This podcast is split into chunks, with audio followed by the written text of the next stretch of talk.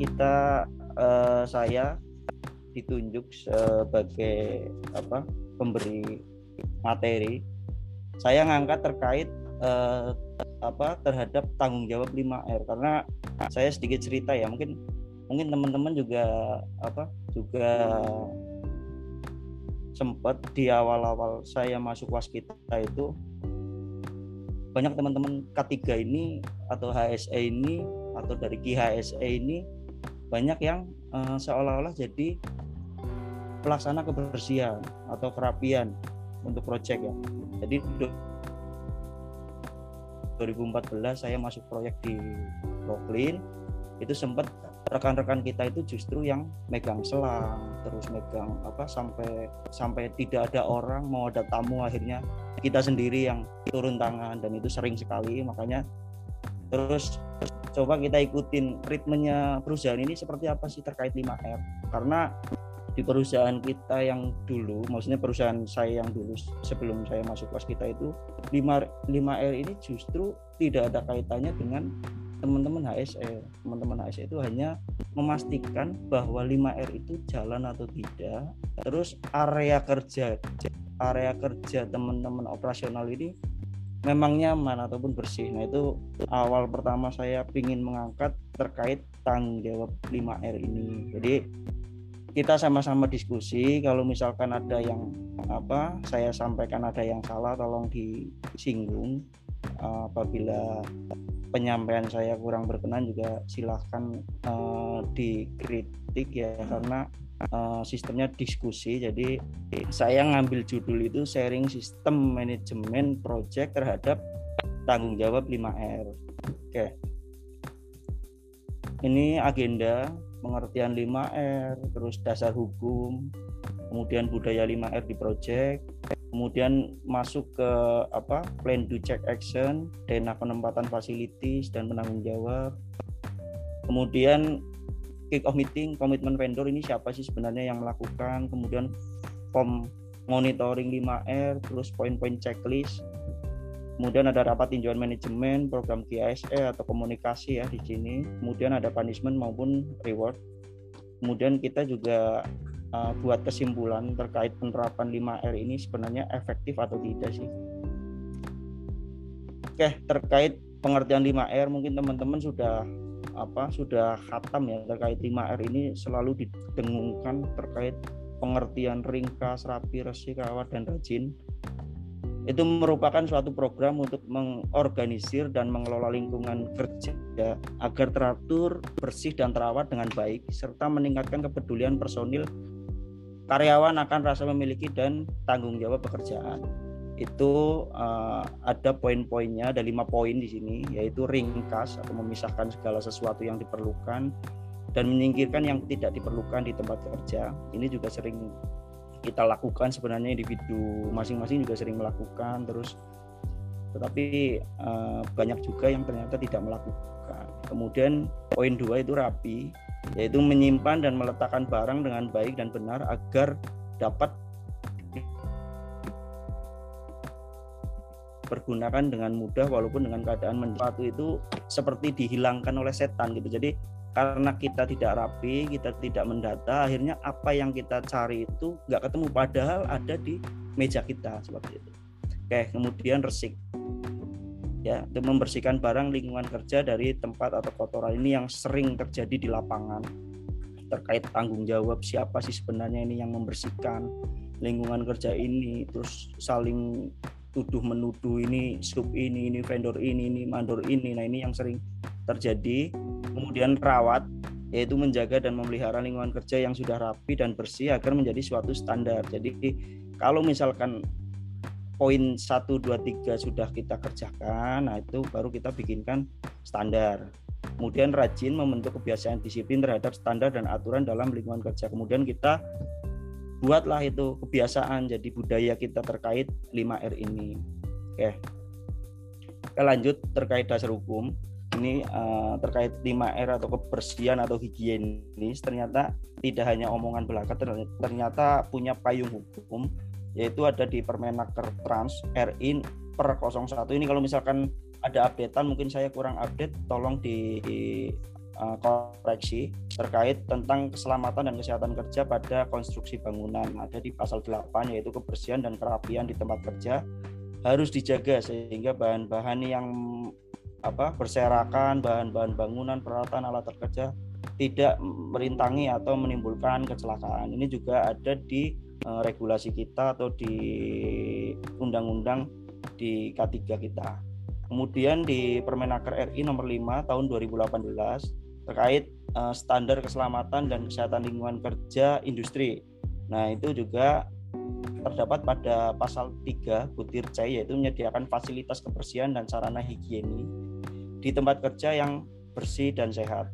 Kemudian muncul di pasal 5 ayat 1 butir B penerapan higieni dan sanitasi ini juga ada payung hukumnya di prosedur perusahaan. Tapi di prosedur perusahaan itu sangat sedikit sekali terkait membahas uh, eh, 5R ini. Karena terdapat di PWHSE 06 yang terbaru itu diselipkan di uh, apa di izin kerja. Nah itu di izin kerja menyebutkan di pasal 528 yaitu pengecekan dan verifikasi pekerjaan selesai dilakukan setelah seluruh tahapan kerja telah diselesaikan dalam waktu yang tertuang di izin kerja. Nah, ini pengecekan dan verifikasi dilakukan oleh SOM atau superintenden dengan memperhatikan jumlah pekerja lengkap, peralatan dan material aman serta 5R lingkungan sekitar sesuai. Itu aja kalau misalkan di prosedur perusahaan. Kemudian ada juga di PW Prod ini masuk ke uh, instruksi kerja di langkah-langkah terkait IKA akses kerja ya ada di poin uh, nomor 6 akses di lapangan harus dijaga kebersihan dan kerapihannya. Oke, kemudian masuk ke budaya 5R di proyek. Ini saya ngambil dari rakor kemarin ya. E, di produksi maupun di KHSE juga disampaikan oleh KHSE division dari pusat terkait Pareto temuan. Nah, ini ada temuan di quality dan juga di HSE ini justru Pareto tertingginya itu terkait 5R lagi. Nah, ini 5R terus di HSE kemudian manajemen material atau peralatan itu juga sama sama sebenarnya masuk ke 5R juga. Apakah ini yang kita inginkan dalam arti kita sudah berapa tahun di UAS kita selalu terkait 5R 5R 5R. Nah, ini apakah dan selalu K3 K3 K3 yang selalu jadi uh, apa namanya selalu jadi penanggung jawab. Penanggung jawab di 5 5R ini. Apakah kemarin uh, dari pusat itu mengganti nama KHS itu bukan K3 lagi karena kesing apa uh, kepanjangan dari K3 itu banyak yang menyimpulkan itu kebersihan kebersihan kebersihan ternyata itu. Makanya ada dulu itu ada harian K3 selalu termasuk pimpinan kita sendiri itu menyebutnya pasti harian K3 harian K3 ternyata kepanjangan dari K3 itu yang dimaksud bukan keselamatan kesehatan kerja tetapi kebersihan kebersihan kebersihan. Oke kemudian kita masuk ke budaya 5R ini yang sering terjadi mungkin di proyek saya sendiri maupun di proyek teman-teman kalau misalkan ada ya itu yang pertama itu pasti kondisi yang ada itu kurangnya kepedulian tenaga kerja terhadap kebersihan dan kerapian area kerjanya. Kemudian yang kedua, superintenden atau pelaksana masih hanya fokus dengan progres pekerjaan di lapangan. Ini yang sering terjadi dan penyebab akar permasalahannya uh, dari produksi. Biasanya mereka yang merencanakan terkait uh, apa uh, pekerjaan progres, tetapi kalau sudah menib, itu pasti menimbulkan sampah kalau sudah menimbulkan sampah mereka uh, beliau-beliau ini nggak mau langsung apa menginstruksikan untuk membersihkan tetapi mengandalkan adanya orang K3 atau 5R itu sendiri. Oke, kemudian yang ketiga, tumpang tindih tanggung jawab terhadap 5R. Ini sering terjadi di lapangan terkait tumpang tindih tanggung jawab terkait vendor. Biasanya eh, apa sampah atau limbah yang ditimbulkan ini saling tuding terkait uh, ini pekerjaan siapa ini miliknya siapa ini sering terjadi makanya kita uh, coba diskusikan di sini terkait tumpang tindih tanggung jawab terhadap 5R ini. Oke, kemudian yang keempat, dari hasil KIHSE Patrol masih tingginya temuan terkait kebersihan dan kerapian area kerja. Ini dibuktikan oleh uh, inspeksi tadi dari pusat itu tingginya temuan terkait penataan material dan juga 5R. Oke, kemudian muncullah masalah dari situ. Yaitu yang pertama biaya yang timbul akibat adanya pekerjaan harian atau membersihkan dan merapikan material bahan maupun sampah atau waste pekerjaan itu pasti akan muncul entah di proses maupun di akhir. Tetapi kalau misalkan prosesnya kita tidak membuatkan konsep ini pasti akan muncul besar di akhir project. Atau enggak kalau misalkan kita mau ada audit pasti tahu-tahu nambah orang terus akhirnya budgetnya uh, apa nambah lagi. Oke. Kemudian area yang berantakan menimbulkan risiko keselamatan kerja ini pasti karena uh, tadi tercantum juga di undang-undang yang terkait uh, keselamatan kerja ternyata fatality maupun kecelakaan kerja itu ada sumbangannya dari 5R. Oke, kemudian citra atau kesan perusahaan yang buruk ketika ada kunjungan calon owner tenant ataupun investor termasuk dari uh, apa direksi kita sendiri pasti kalau misalkan uh, kunjungan ke project itu selalu yang dipermasalahkan terkait 5R dan 5R lagi. Oke kemudian uh, kita di sini membuat solusi terkait uh, konsepnya itu plan, do, check dan action. Itu sebenarnya yang selalu di apa disampaikan oleh pimpinan kita atau dari apa sharing-sharing knowledge juga selalu disampaikan terkait plan do check action yaitu yang di yang kita bikin konsepnya di sini itu membuat set facilities general maupun per lantai. Jadi kalau misalkan uh, di awal project kita kan ada konsep pembuatan PD apa uh, pembuatan hira DC maupun ILDL sekalian kita bikin terkait uh, metode atau konsep PDCA-nya 5R. Nah, itu untuk membuat set facilities, kemudian penanggung jawab lantai, itu ada beberapa bagian yang di lapangan ya. Itu terkait penanggung jawab di lantai. Kemudian uh, kita juga komitmen terkait kick off meeting di awal project atau awal pertama vendor itu mau masuk. Nah, ini juga perlu dibuatkan komitmen. Jadi kalau misalkan ada uh, rekrutmen atau rekrutmen mendatangkan vendor-vendor entah itu mandor atau subkon itu wajib wajib harus melakukan kick off meeting.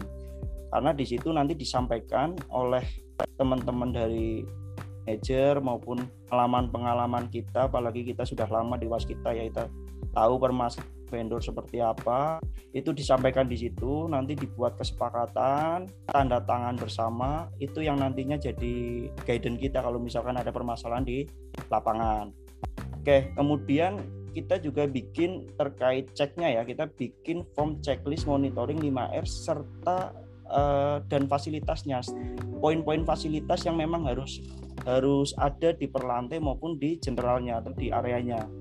Oke, kemudian masuk ke actionnya kita ke apa uh, ceknya juga kita lakukan komunikasi ya pasti lakukan komunikasi partisipasi itu ada juga evaluasi yaitu melalui rapat tinjauan manajemen rapat P2 K3 program-program KSE dari KSE Patrol terus uh, apa rutin mingguan itu selalu kita lakukan Kemudian ada audit internal project juga untuk memastikan kalau uh, metode, apa konsep 5R ini berjalan atau tidak. Kemudian juga ada punishment dan juga rewardnya. Jadi uh, kalau misalkan uh, apa kalau misalkan metode untuk berbudaya itu kan harus ada ketakutan dan harapan ya. Saya, tadi saya ikut di apa rapat dari GISF pusat itu disampaikan kalau misalkan budaya itu memang harus dibuat terkait ketakutan dan dan juga harapan. Makanya ini dari punishment ini juga kita berharap dan itu tidak ter, ter apa harus denda juga tidak ya. Jadi kalau misalkan punishment ini bisa juga apa surat teguran terus ya bisa juga terkait denda atau sanksi ya kemudian reward kalau misalkan memang ada vendor ataupun mandor eh, ataupun subkon ataupun karyawan kita sendiri yang memang dia peduli dia memang bagus terkait 5R ini ya perlu dibuatkan apa uh, reward juga. Dulu sempat di project sebelumnya kita itu ada uh, K3 bulanan dan itu kesempatan kita untuk memberikan reward di situ kemudian uh, ke denah atau penempatan fasilitas dan juga penanggung jawab jadi dari teman-teman engineering itu pasti sudah membuat set facilities general ya dari penempatan gudang awal pertama masuk orang, masuk material, pintu gerbang sampai uh, semua fasilitas itu pasti sudah dibuatkan oleh dari teman-teman engineering. Nah, di sini untuk untuk fasilitas per lantai ini yang uh, penting untuk acuan teman-teman lapangan ini menaruh material, terus menaruh sampah sampai ke fasilitas-fasilitas lainnya yang sesuai standar yang diharapkan oleh perusahaan. Nah, ini yang paling penting justru di dena fasilitas per lantai. Nah, ini yang di, perlu disepakati bersama uh, terkait denah ini. Ini perlu juga didistribusikan ke semua vendor. Nah, ini yang perlu kita sepakati terkait dena fasilitas uh, untuk penempatan atau penataan 5R itu sendiri. Oke, kemudian kita ada uh, terkait apa pembagian tanggung jawab kita juga ada PIC ya on duty yang selalu ada di project itu dari teman-teman superintendent terus dari teman-teman quality ataupun safety termasuk mekanik juga uh, pasti ada PIC-nya itu dikuatkan dengan internal memo pimpinan proyek. Jadi penanggung jawab kebersihan, perihalnya perihalnya ya. Yang yang lebih penting itu perihalnya penanggung jawab eh, kebersihan dan kelengkapan yang perlu kita bisikan ke pimpinan terkait internal memo ini karena kita kan pendamping ya. Eh, teman-teman KISI lebih ke pendamping ke pimpinan. Jadi kalau misalkan ada ada permasalahan ada apa-apa kan kita pasti sampaikan di situ. Nah ini kesempatan kita untuk menyampaikan kalau misalkan GISE di project itu kan memang powernya masih kurang walaupun independen. Nah kita minta tolong ke pimpinan untuk membuatkan IM ini. Karena kebanyakan dari teman-teman produksi itu lebih uh, apa lebih cepat kalau misalkan diutus langsung dari pimpinan oke kita juga bikin penanggung jawab area yang ditandatangani oleh pimpinan dan juga dari uh, set operasional manager dari SOM-nya sendiri juga harus komitmen terkait uh, eh, PIC superintendent dan 5R ya.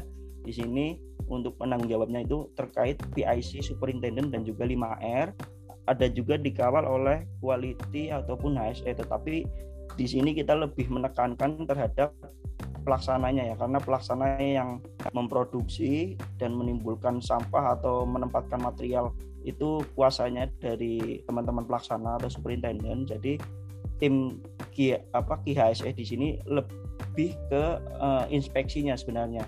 Lebih ke inspeksinya. Jadi kalau misalkan ada apa kualitas pekerjaan yang tidak baik terus kita memastikan penempatannya itu benar nggak sih di situ sesuai dengan set facilities yang memang sudah disepakati.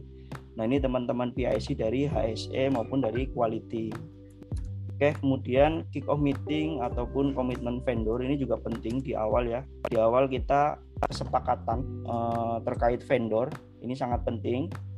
Itu uh, kita kerjasama juga dengan apa Seplem ataupun dengan pimpinan. Jadi kalau lebih bagusnya dibuatkan IM terkait kick off meeting ini. Jadi kalau misalkan uh, eh, IM dari pimpinan ke suplem ataupun ke procurement atau ke adkonnya itu terkait uh, kesepakatan kalau misalkan pendatangan vendor itu wajib ada kick off meeting yang dihadiri oleh semua set manager di project ya karena ada kepentingan masing-masing, ada pengalaman masing-masing yang memang nantinya jadi apa? Jadi jadi sengketa nantinya kalau misalkan diproses waktu vendornya sudah masuk. Nah, di sinilah untuk apa kesempatan kesempatan kita untuk menyampaikan terkait pengalaman maupun prosedur-prosedur yang memang seharusnya itu dilakukan oleh si vendor. Contohnya terkait 5R tadi itu kebersihan menjadi tanggung jawab subkontraktor apabila terdapat sampah atau limbah. Nah ini semua disampaikan di sini, termasuk kalau misalkan memang ada uh, pekerja harian dari 5R itu sendiri. Nah itu silahkan disampaikan di sini. Kalau memang itu tanggung jawab dari uh, si vendor, sekalian masukkan di sini berapa sih jumlah orang kebersihan dari si vendor itu tersendiri. Jadi kita juga bisa memantau kalau memang itu tidak dikasih, entah itu nanti masuk punishment atau teguran atau memang uh, kebijakan dari pimpinan. Nah, itu yang penting kita sudah memegang terkait kesepakatan 5R dengan vendor ini.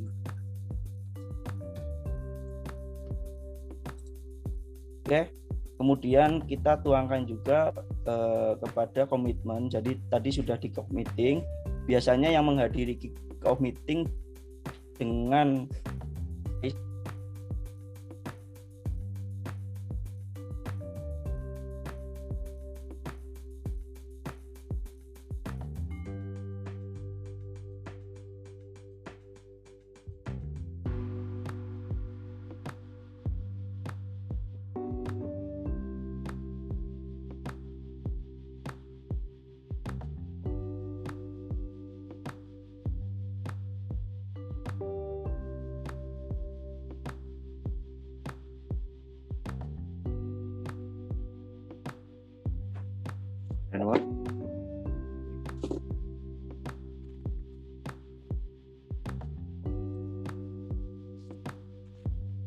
masih tersambung? Pak Yanuar sebenarnya terputus, Pak. Ini terjadi gangguan.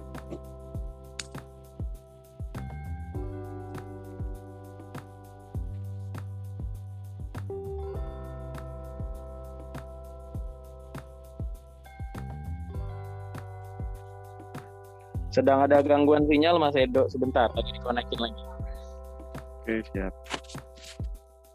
Mungkin sambil menunggu sampai di sini teman-teman ada kira-kira yang ingin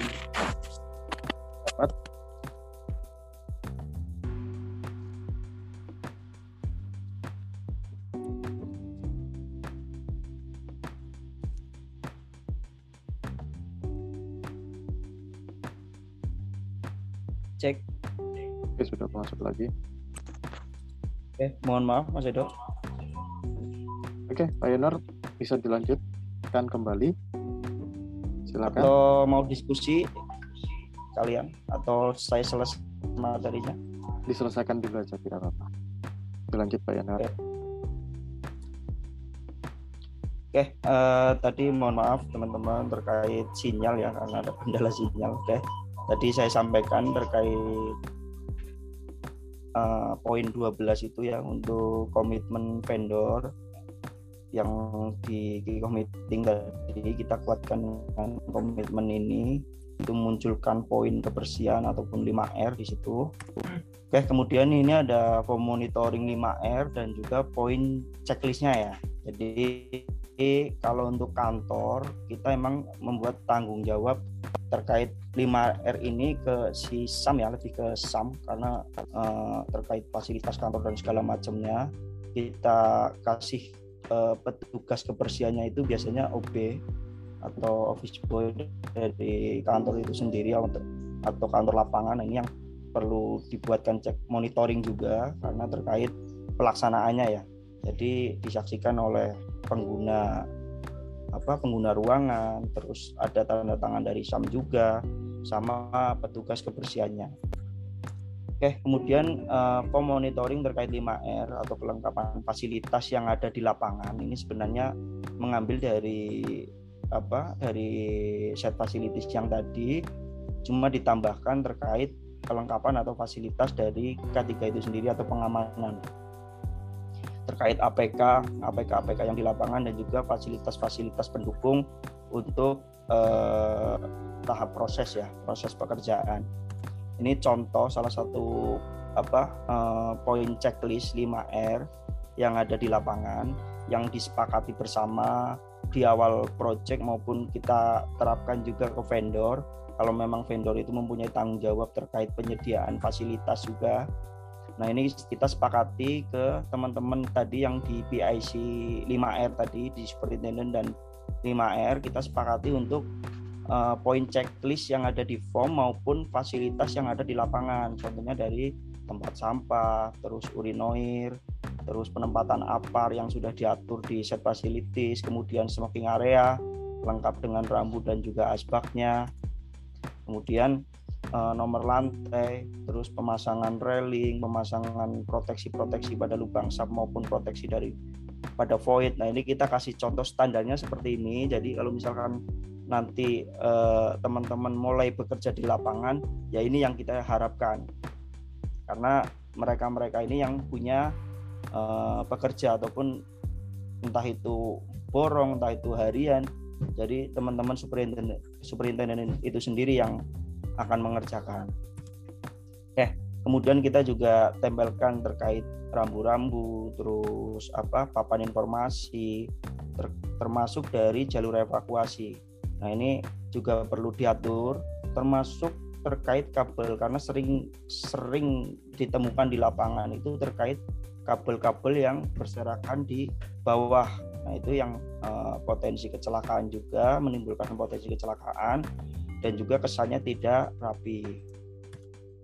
Oke, kemudian uh, terkait air kerja, panel, akses. Nah, ini kita buatkan contoh poin checklistnya juga. Jadi standarnya seperti ini, tolong diterapkan, tolong disepakati bersama. Nah, ini yang uh, menjadi acuan nanti dari teman-teman superintendent eh kemudian dari penempatan tabung ini juga dari teman-teman Splem juga kita buatkan standarnya seperti ini. Jadi konsepnya kita sama-sama dengan teman-teman site manager membuat konsep seperti ini agar diterapkan oleh teman-teman di uh, superintendent maupun dari superintendent si Splem itu sendiri dari apa dari peralatan ataupun logistik. Ini terkait uh, apa 5R di vendor. Jadi yang tadi kita sepakati kita juga memberikan contoh ini loh yang kita minta dari perusahaan terkait uh, eh, 5R kalian dari penempatan material, alat termasuk dari apa uh, set facility yang tadi kita sampaikan nah itu yang nantinya di, dilakukan oleh si vendor itu sendiri.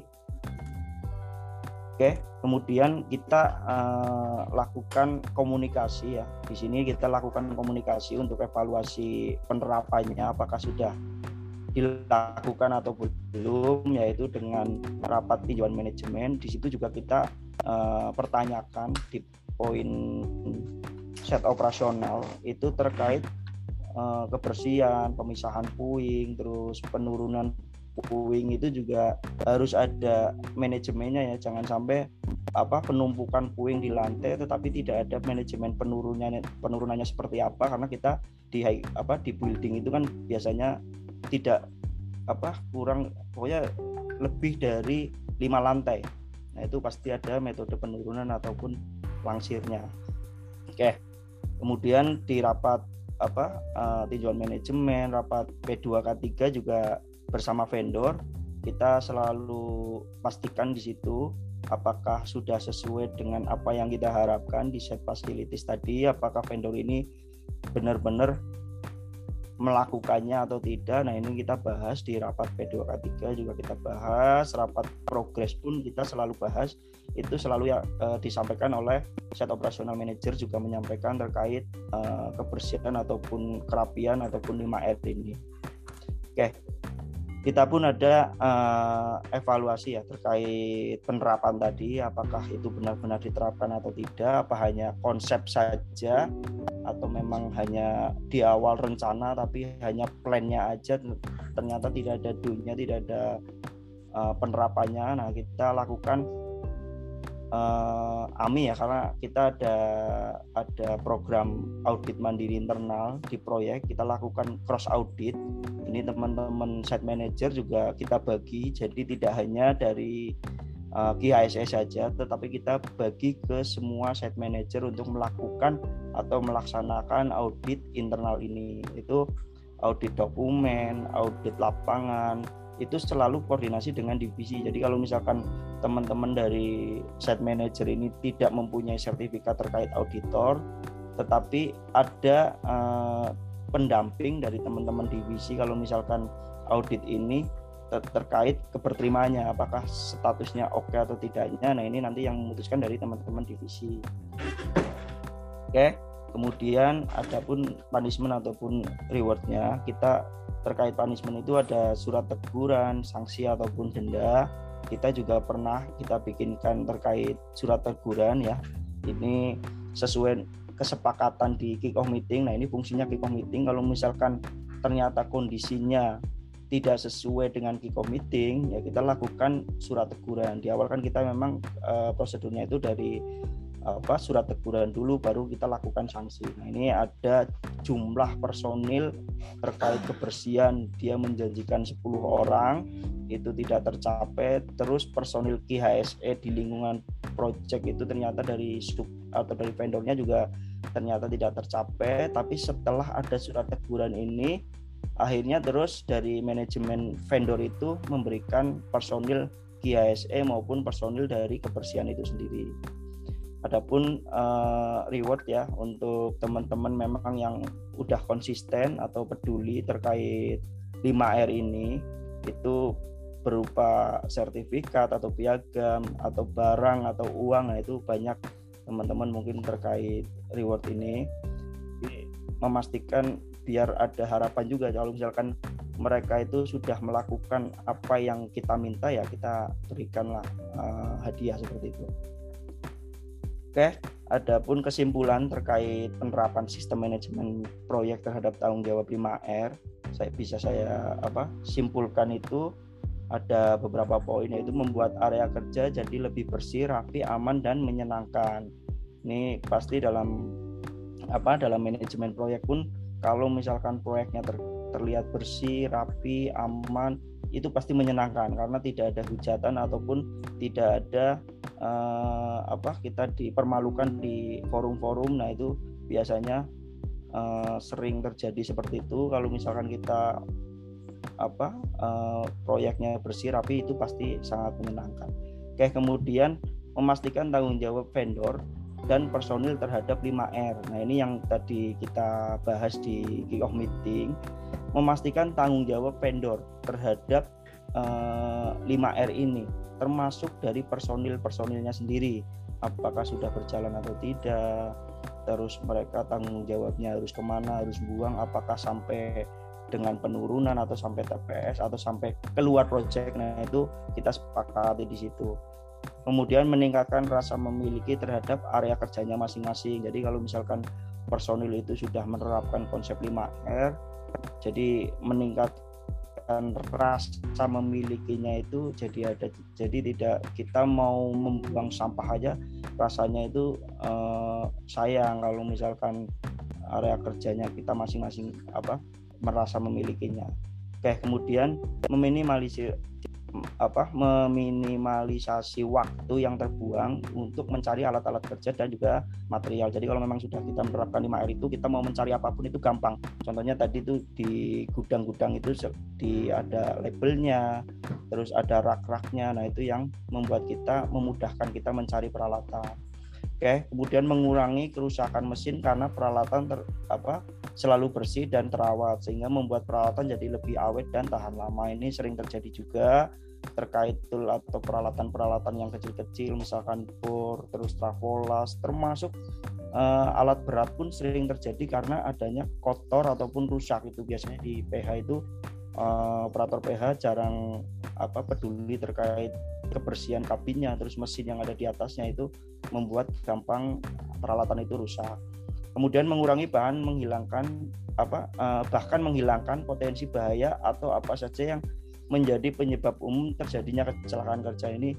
Penyumbang uh, fatality ataupun kecelakaan kerja ternyata ada di 5R juga. Makanya itu uh, kalau kita misalkan bisa menerapkan itu minimal mengurangi lah dan menghilangkan kemudian meningkatkan produktivitas dan kualitas kerja dengan penataan material dan peralatan kerja yang baik. Personil karyawan bisa bekerja lebih efektif dan efisien. Kemudian yang terakhir, citra atau kesan perusahaan baik ketika ada kunjungan atau calon owner, tenan ataupun uh, bisa sebagai repeat order oleh owner yang memang sudah berkontrak dengan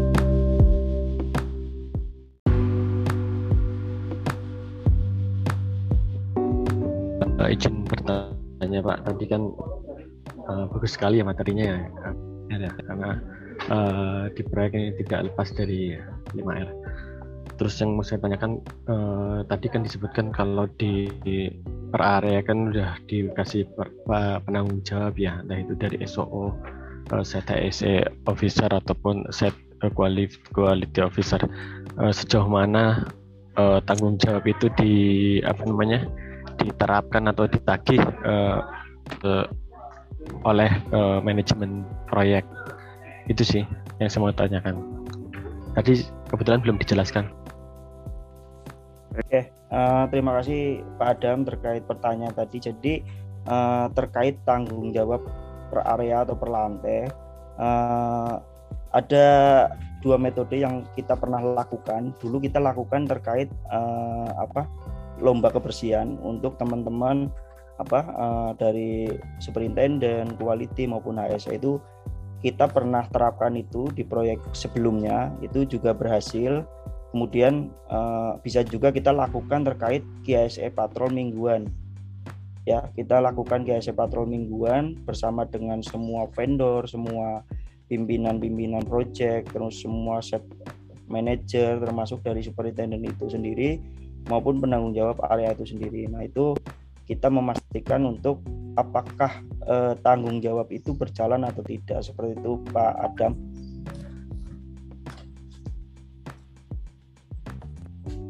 Mana Adam? Oke, uh, tanggung jawab itu kan eh, tadi sudah ditagih ketika ada tanggung jawab seperti mandor. Kalau vendor kan sudah jelas ya kadang uh, pelaksana kita juga kan membawahi apa namanya uh, mandor-mandor juga ya. Jadi ketika uh, ada temuan dan memang temuannya di itu itu mulu misal mandor-mandor itu mulu dan mandor-mandor itu misal udah dikasih punishment dan tetap uh, apakah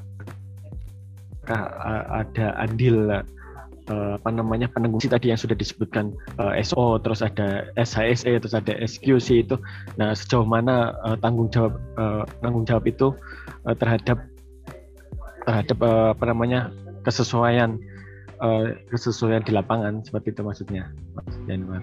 Oke Mak, uh, Pak Adam. Jadi terkait tanggung jawab mandor itu pun kita ada evaluasi untuk pekerja mandor. Kita juga lakukan di sini terkait evaluasi apakah pekerja si mandor ini peduli atau tidak terkait 5E, terkait fasilitas, apakah orang itu bisa apa menjalankan prosedur-prosedur perusahaan atau tidak. Kalau memang ada evaluasi itu, kita bisa lakukan kemarin kita lakukan di sini itu uh, pemberhentian. Jadi kalau misalkan orang itu memang tidak bisa mengikuti prosedur di proyek ya kita berhentikan.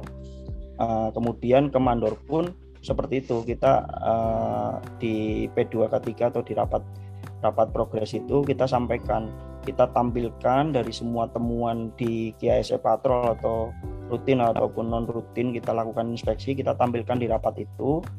Uh, kalau memang tidak bisa mengikuti prosedur ataupun yang kita sepakati di awal ini ya mohon maaf itu sudah jadi kesepakatan si PM itu sendiri. Seperti itu Mas Adam Mas Pak Januar, Assalamualaikum warahmatullahi wabarakatuh.